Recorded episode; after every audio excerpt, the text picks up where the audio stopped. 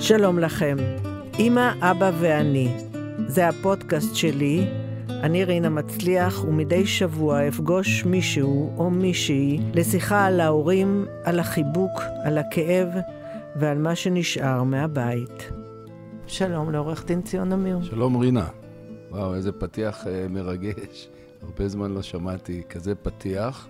אני מסתכל עלייך ורואה את העיניים שלך נוצצות כשאת מדברת על ההורים שלך, וזה דבר מקסים בעיניי. אני, כשאני מדברת על ההורים שלי, הלב שלי מוצף באהבה. ו- וכשאתה מדבר על ההורים שלך? אה, קודם כל אותו דבר, ברור. אה, אבל אצלי זה מתערבב עם כל מיני, המון תמונות מרצדות לי מול העיניים. למשל, אני אתן לך דוגמה.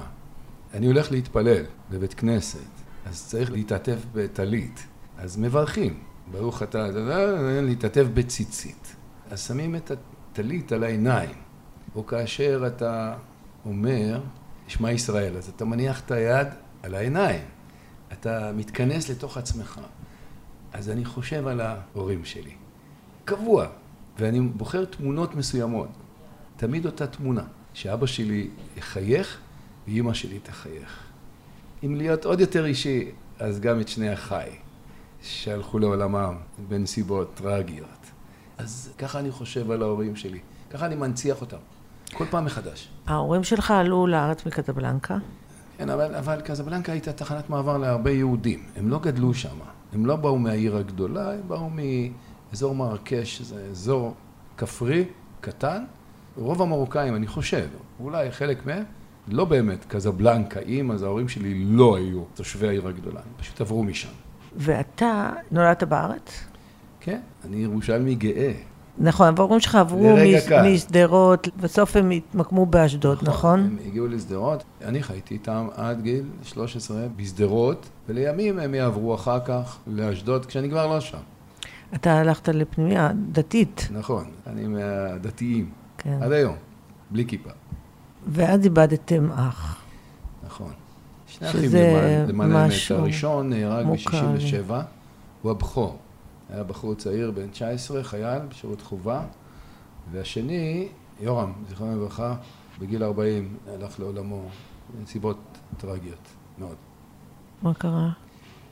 אה, טעויות של החיים. כן, הגיע לבדיקה קטנה ויצא ממנה בדיקה רפואית בבית חולים. קרתה תקלה חמורה מאוד והלך לעולמו. לא כל כך כשיר להיכנס okay. אה, אוקיי. לפרטים. איך ההורים שלך עברו את ה... ואיך זה השפיע עליך? את יודעת, אני אגיד לך משהו, זה, המוות הראשון הוא היה טראומטי באופן מיוחד. גם השני, אבל הורים לא אמורים לאבד ילדים. נתחיל מזה. זה נגד הטבע. אתה יודע, אני כל כך מבינה את זה, כי גם אני עברתי את זה ב-1970. גם, אח כן. חייל. אז את מכירה את זה ומבינה כן. את זה. זה טראומה, זה חריץ עמוק בלבך. כאילו חיים לפני ואחרי, כן, ממש. זה לא, לא באמת... אה, אני חושב שלומדים לחיות עם זה. בן כמה היית? הייתי בן 12. בן 12. הייתי, וזה נשאר שם, זה חורץ בך. איך ההורים קיבלו את זה? אני זוכר, כמו היום, את התגובה של אמא שלי, כשקיבלה את הידיעה על מותו. וגם את של אבי. אני זוכר איך הוא ישב, מכונס בעצמו. אני אפרש את זה שנים אחר כך. מין אבל עמוק בעיניים. הוא לא הגיב. הוא פשוט שתק, ישב, והאימא בכתה, והרימה קול צעקה על השמיים. זה היה מפחיד לראות את זה. פעם היחידה שזה נתפס בעיניי שנים אחר כך כאיזה פקפוק, או עם אנשים מאמינים אדוקים. בבורא עולם. אני זוכר את זה, אני רואה את זה עכשיו, עומדת בתוך החדר והיא פורסת את הידיים ככה, את כפיה לשמיים, מרימה מבט לשמיים ואומרת אלוקים, כאילו רצתה לפנות אליו באופן נורא אישי, אלוקים שלי. למה? זו הייתה המילה, למה? כאילו, למה עשית לי את זה? זה היה הפקפוק היחידי שאי פעם ראיתי, ב... שכאילו האמונה שלה נסדקה, זה היה שבריר קל, ככה בעיניו של הילד, אין לי מושג אם זה מה שהיא הרגישה, אבל ככה אני חוויתי את הילד בן 12 רואה את השבר הנוראי הזה. ההורים שלך הם היו זוג אוהב? כן, הם היו אנשים מאוד מאוד מאוד קרובים, אבל לא כמו אצל אחרים, הם היו, לא ראית מגעים פיזיים, נגיד ליטוף מקרוב, זה, זה לא היה בית שמלטפים יותר מדי. גם אותך לא? אה, אני לא יודע, אני לא זוכר, לא זוכר שהיה, זה לא היה, הם, הם היו מלאים באהבה, אבל משהו שם, הפיזיות הייתה... לא הייתם מתנשקים? מתחבקים? כן, אין לי חוויה כזאת, אני לא זוכר את זה, לא. אבל לא הרגשתי שיש איזה מרחק, אבל אני כן מבין את זה היום ממרחק של שנים, כי אני כל הזמן לא הפסקתי לנשק את הילדים שלי עד היום. עכשיו, אני, אני צריך להתווכח איתם, כי לא תמיד עם הבנות והבן שלי, אבל... צריך אני... להרגיל אותם שזה המצב, כן. מתחבקים ומתנשקים. אבל עם הקטנה זה היה אחרת. כי עם אחותי הבת הזקונים זה היה אחרת, אני חושב. הם כבר יותר... הם, כן. הם, היא, היא כפתה לדעתי את המגע הפיזי הזה, שאני עד היום מתקשה... בזמן אמיתי זה. היה חסר לך?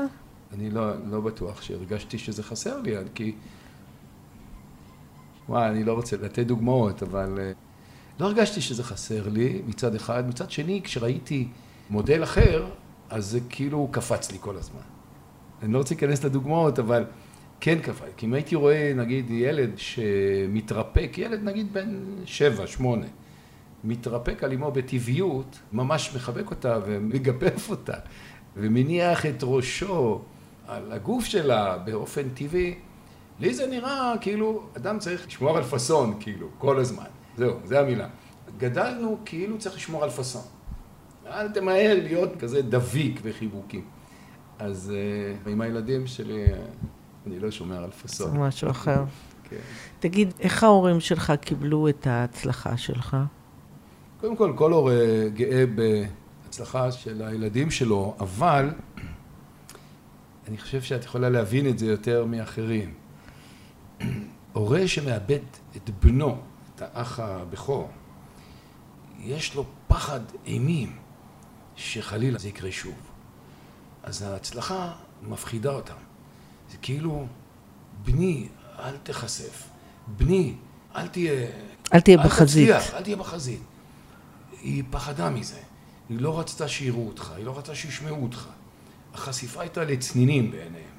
קוראים לזה בלשון עממית, עין הרע. נכון. הם נורא נזהרו מזה. הם לא ידעו מה לעשות עם זה. אם הם יכולים היו, תמיד הייתה מברכת אותי רק בזה. בערבית הייתה אומרת את זה. במרוקאית.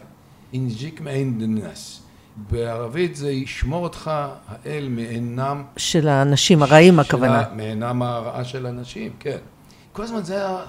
She was irritated, היא הייתה מבועתת. כן, מהעניין הזה. כן.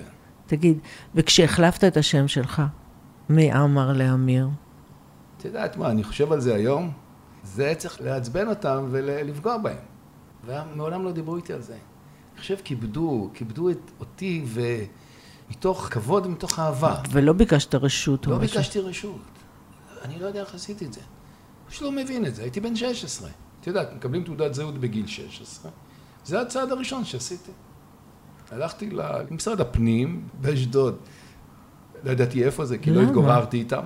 הגעתי, דופק בדלת של איזה פקיד, ואני אומר לו, אני מבקש להוציא תעודת זהות. כן, מה שמך? אני אומר לו, אני רוצה גם לשנות אותו. הוא אומר לי, למה? אמרתי לו, עומר. לא אמר, עומר, להוסיף חולם חסר. והלכתי לבית, כל הלילה נדדה שנתי, כי אמרתי, אני לא אוהב את השם הזה, לא מסתדר לי. אז חזרתי למחרת, אמרתי, אפשר לבצע... החלפת עוד פעם? שינוי, אז אומרים, יש לך מזל, עוד לא שלחנו את הטפסים אה. למשרד הפנים בירושלים, אחרת היית צריך להמתין עוד שבע שנים. אה, באמת? כן, כי החוק אומר, אתה לא יכול להחליף, אלא... כל רגע להחליף שם. אז אה, אילו זה היה היום, זה הכל ממוחשב, אז היו אומרים לך, תחזור בעוד שבע שנים. אמרת לי שאתה מצטער שהחלפת את השם. כן. את יודעת, למדתי משפטים אחר כך. החוק לא מאפשר לך לעשות כל מה שאתה רוצה בכל גיל. כי הוא מבין ששיקול הדעת של אדם הוא לא, הוא לא מספיק טוב. אתה מספיק טוב להתגייס בגיל 18 לצבא, אתה לא יכול לחתום על חוזים מסחריים בגיל מסוים, אתה צריך להגיע לגיל בגרות מסוים. אתה יכול לעמוד לדין פלילי בגיל 12, יש אחריות פלילית, אבל לחתום על חוזה אתה לא יכול. כי ככה זה. אז אתה אומר לא להחליף שם לפני... להחליף שם, אני לדעתי, לפני גיל 21. לא, אבל זה הצד הטכני. בוא תגיד לי למה מהותית אתה מצטער. מהותית אני מצטער משום שלימים אתה מבין, לא ידעתי את זה בגיל 16. אני חושב ש... אני אומר את זה בצניעות רבה מאוד, כי אני, באמת אני מתכוון לזה. יש לא מעט צעירים וצעירות בגילאים האלה, ברחבי המדינה, בפריפריה, במקומות שאני גדלתי בהם, שרואים בך איזושהי דוגמה למשהו, ואתה צריך לשמש דוגמה, אתה צריך להתנהג בהתאם. ואני חושב שזו דוגמה לא טובה, לקדש את האותנטיות.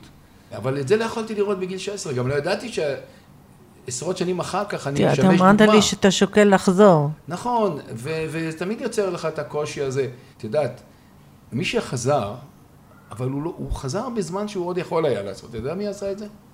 עורך דין אבי ברדוגו, שהוא היה ממנהיגי הפנתרים השחורים uh-huh. בשנות ה-70. את יודעת שהוא החליף את השם גם, בגיל צעיר, לא יודע, עשרים או משהו כזה, לאברי, אברהם, אברי הכרמלי, כי הוא מחיפה. וואלה. אברי הכרמלי, אחלה שם. לימים הוא חזר לאבי ברדוגו, אברהם ברדוגו, אבל הוא עשה את זה כשהוא לא היה מספיק אה, מוכר, ידוע בציבור, כן. וזה... היום תמיד יש את הקושי. קשה. אז אני פשוט אחזיר את השם, והוא יהיה שם, יהיו שני השמות ביחד. אמיר אמר. כן, ציון אמיר אמר. זה יפה, נשמע יפה. תגיד, יש לך חרטות לגבי ההורים שלך? כן, אין, אין, לא, אין, אין, אני חושב שטבעו של אדם, שלא יכול להיות שאין לו חרטות. לעולם לא תוכל לקיים מערכת יחסים מושלמת עם ההורים שלך. לא משנה כמה אתה אוהב אותם, ומכבד אותם, ומעריך אותם, ודאי שיש חרטות. מה? יש חרטות. תראה, זה בנוי על הרבה, זה גם שאלה של חינוך. יש בתים שגדלים אה, די משוחרר, ואנחנו לא. אנחנו גדלנו בבית שחלק מהאתוס זה רגשי אשם, למשל. רגשות אשם. אני חושב שזה התחיל עם הטרגדיה ב-67. Mm-hmm. עכשיו, אני לא יכול להיכנס לפרטים, יש דברים שאני לא חושף, אבל שם זה התחיל, לדעתי. תמיד אתה תרגיש אשם במשהו, שלא עשית. לא, אבל מה דברים שכן עשית? הייתי צריך לשלב יותר, הם באו ממרוקו, ההורים האלה, לא בעלי השכלה פורמלית, אנשים חכמים, נדיבים, עם לב גדול, לב ענק, חרוצים בצורה בלתי רגילה, באמת. לא נתקלתי בהרבה אנשים חרוצים, כמו אבא שלי וכמו אימא שלי, שעשו באמת המון עבודות בו זמנית, וגידלו ילדים, שבעה ילדים הם גידלו. ועשו את זה במין תשוקה, דיברת, גדלתי על תחושה של הכל טוב. ציון, אל תברח. איפה לא היית בסדר עם ההורים שלך? האמת, אני מתקשה לדבר על זה. באמת מתקשה לדבר על זה. הייתי צריך להיות יותר אמיץ בניהול מערכת חיי איתם. יש איזה... הסתרת אותם? לא, לא, לא, לא, הסתרתי זו מילה גדולה מדי, לא. אני לא יכול להגיד הסתרתי את ההורים, אבל אה, את יודעת, לקח לי שנים, לא הרבה מדי שנים, להיות אה, הכי אותנטי שבעולם, למרות שינוי השם, אולי בעיקר בגלל שינוי השם. היה לי מין מנהג, אה, במרכאות, מוזר, בבית משפט. רציתי לשלב יותר, אני נולדתי כאן, גדלתי בבתי ספר של הציונות הדתית, והתנהגתי כאילו עליתי בעלייה מאוחרת לישראל. הייתי אומר דברים בערבית, הייתי מתקן את השופטים, הערתי הערה, הוא בטח לא יזכור את זה, אבל אני זוכר שהערתי את זה לימים, נשיא בית משפט העליון, לאהרון ברק. שהוא טעה בשמות, כל פעם הנאשם הבא שעלה. אז הם היו טועים בשמות, זה עצבן אותי. שמות הייתי... ערבים. הברג'ה. אה, הברג'ה. אז היו אומרים הברגיל. עכשיו זה היה מרגיז אותי, אני הייתי בן 26-7. אני לא מספיק נלחמת על המרוקאיות שלך? בהתחלה, אני עושה את זה כשאני... עכשיו. כשאני, ודאי שכן. היום אני לפעמים אפילו מתריס עם זה. אבל ההורים מתפלל, שלך כבר אינם. הם היו גאים מאוד היום, אם הם, הם מסתכלים מלמעלה, שאני, אה, דוגמה, ביום כיפור האחרון, אני בבית כנסת, בצהלה, האשכנזי, זה הכי קרוב לבית, אני מתפלל איפה שנשיא המדינה שלנו, בוז'י הרצוג מתפלל, מעליי באזהרה אסתר חיות, נשיאת בית משפט העליון ועוד אחרים, ואיילת שקד, ואת יודעת מה? זה אשכנזי לחלוטין, סידור שאני לא מכיר. ומי עולה לומר את ההפטרה? בנוסח הספרדי? אתה. אני. וזה מסר ענק. אבל. בוא תעשה לי את הדרך, איפה היית? אני רוצה ללכת לקודם, שם הכאב, שם הפצע. תשמעי, אה, את יודעת, אה, בשדרות של שנות ה-60 היו כולם מזרחים.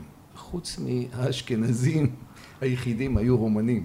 אז לא היו הרבה, אבל היו כמה רומנים. ואני זוכר את חוויית הילדות הבאה. ילד בן, נגיד, שבע, שמונה, הולך ברחוב, ואני מדבר עם ההורים במרוקאית. כי דיברו מרוקאית, הם, לא, הם עלו לארץ, לא דיברו עברית אה, רהוטה. הם למדו אותה עם השנים, אז איך מדברים? בערבית.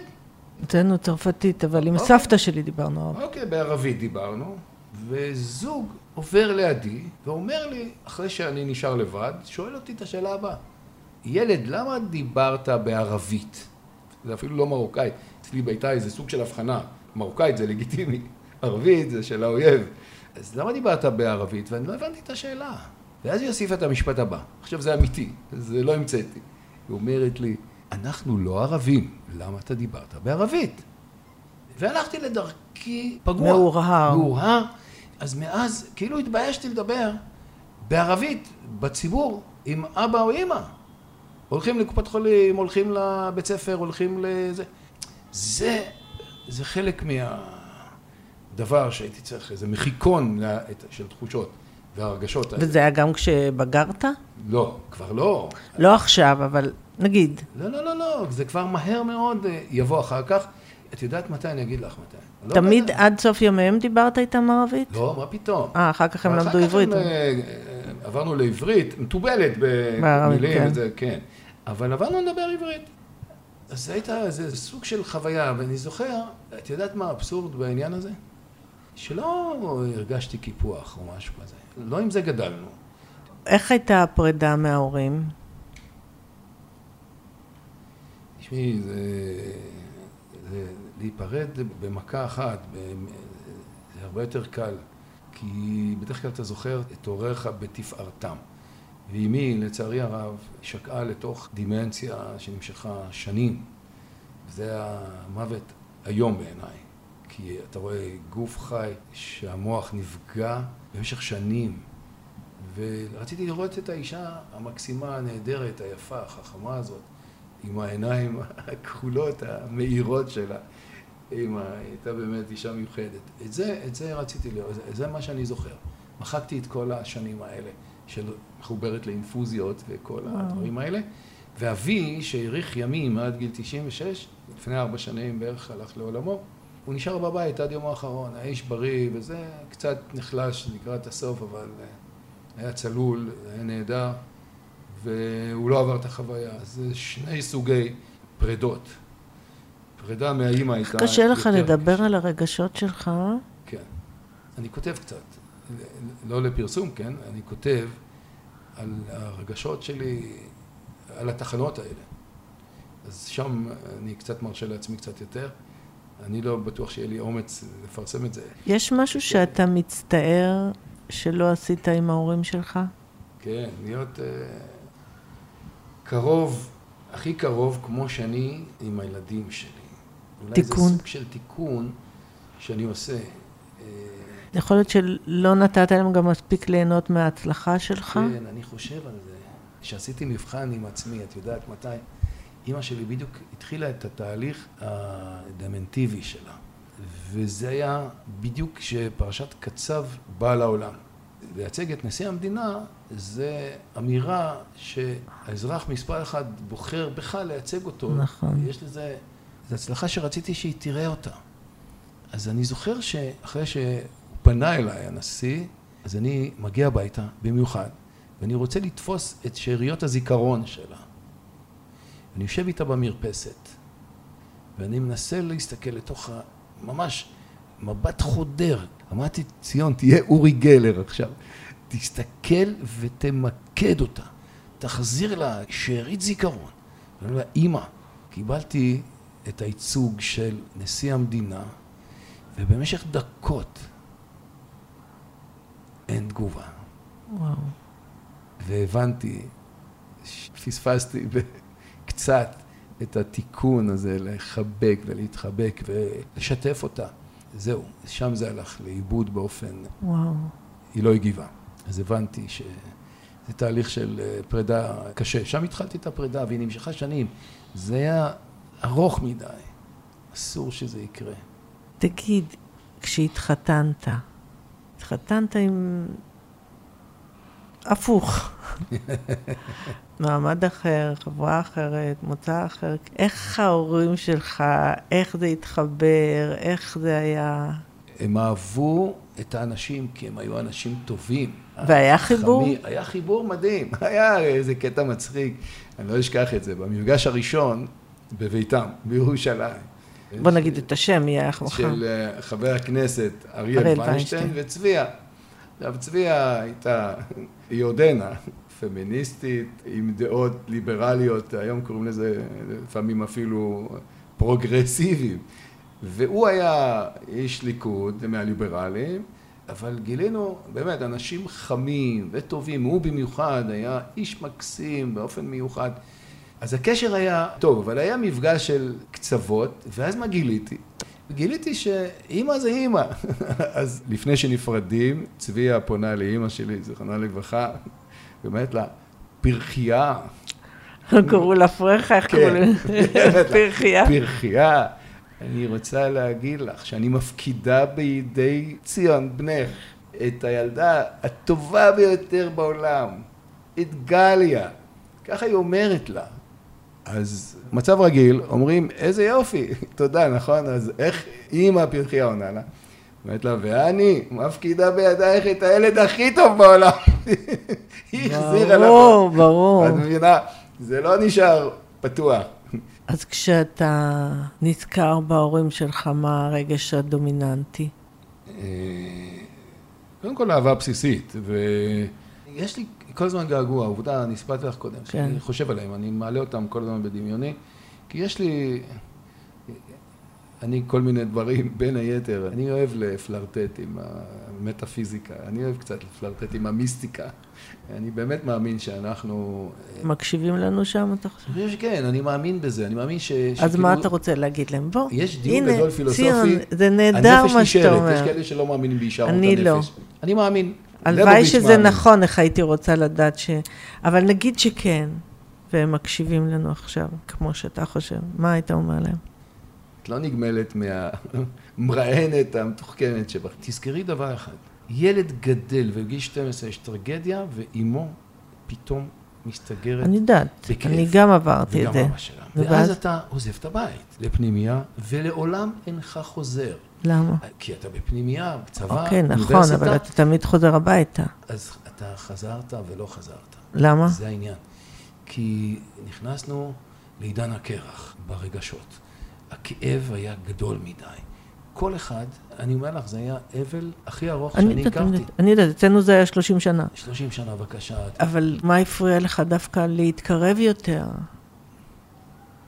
לא יודע, יכול להיות. יש לי בת שאומרת לי, אבא, אולי הגיע הזמן להתייעץ. אז אני אומר לה, אני עם התחושות שלי ועם הסודות הקטנים שלי או הגדולים. אבל בואו בוא נפרק את זה קצת. את יודעת, אה, אני השתמשתי בביטוי הזה פעם בעבר, באיזשהו ראיון אישי כזה, ותיארתי את ההרגשה כש... זו הדוגמה שנפלטה לי, שאתה גדל מרגע מסוים עם סכין שנעוצה בלב ואתה פוחד לשלוף אותה. כי פרץ אדם שיצא משם ימית אותך, ואתה מעדיף להישאר עם סכין תקועה שם בלב. אז אתה לא רוצה להוציא אותה. עד כדי כך זה קשה? יותר טוב שהיא תישאר שם.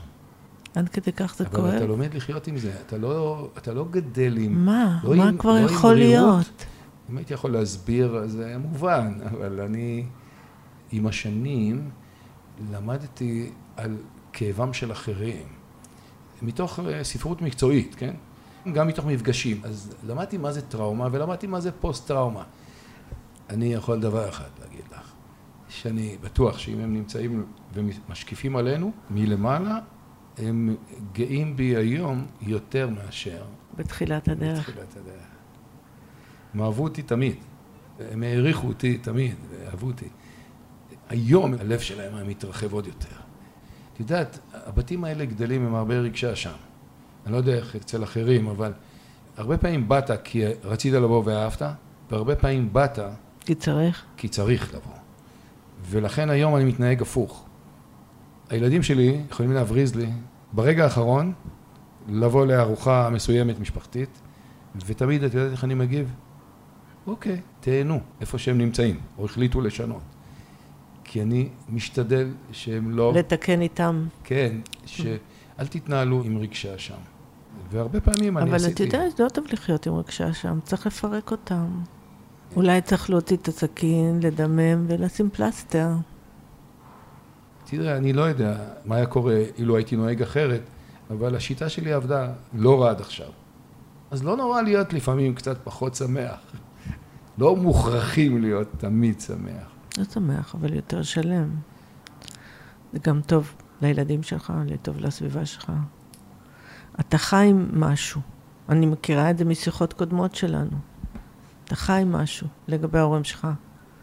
אני אוהב אותם מאוד, אני נוצר אותם בליבי ובשכלי, ואני בקשר קבוע איתם, באמת, ובתמים, אני שם... אתה גורם לי לבכות מהמצוקה הזאת שאתה כל כך מתקשה לדבר, ציון. זה ההורים שלך, זה אתה וההורים שלך, זה דבר שצריך להיות הכי פתוח. לפעמים אדם לוקח על עצמו תפקידים בתוך התא המשפחתי. הוא לוקח תפקידים נוספים, וזה מחייב אותך. יש לזה המון אחריות על הכתפיים. אדם. מה מותר לך להגיד ומה אסור לך להגיד, כי אתה ממשיך לשמש משהו. רוב הדברים שלי נאמרו או בשתיקה או בהתנהגות, אבל בעיקר בשתיקה. שתקת מולם? הרבה? אה, היו הרבה שתיקות. במהלך כל השנים הראשונות, ודאי, זה היה היעלמות, אני אומר לך ש... נעלמת להם? אני חושב שכולם היו פיזית ביחד אבל אתה גם כאילו היית מצליח. ו... ההצלחה היא גרמה למצוקה. למה? היא, היא כאילו מרחיקה, היא כאילו יוצרת נכון. מרחק. אז היית צריך עכשיו...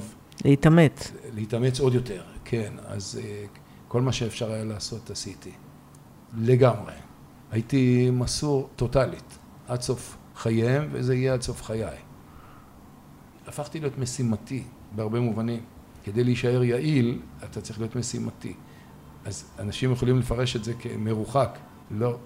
זה אמצעי הגנה כדי לפעול נכון.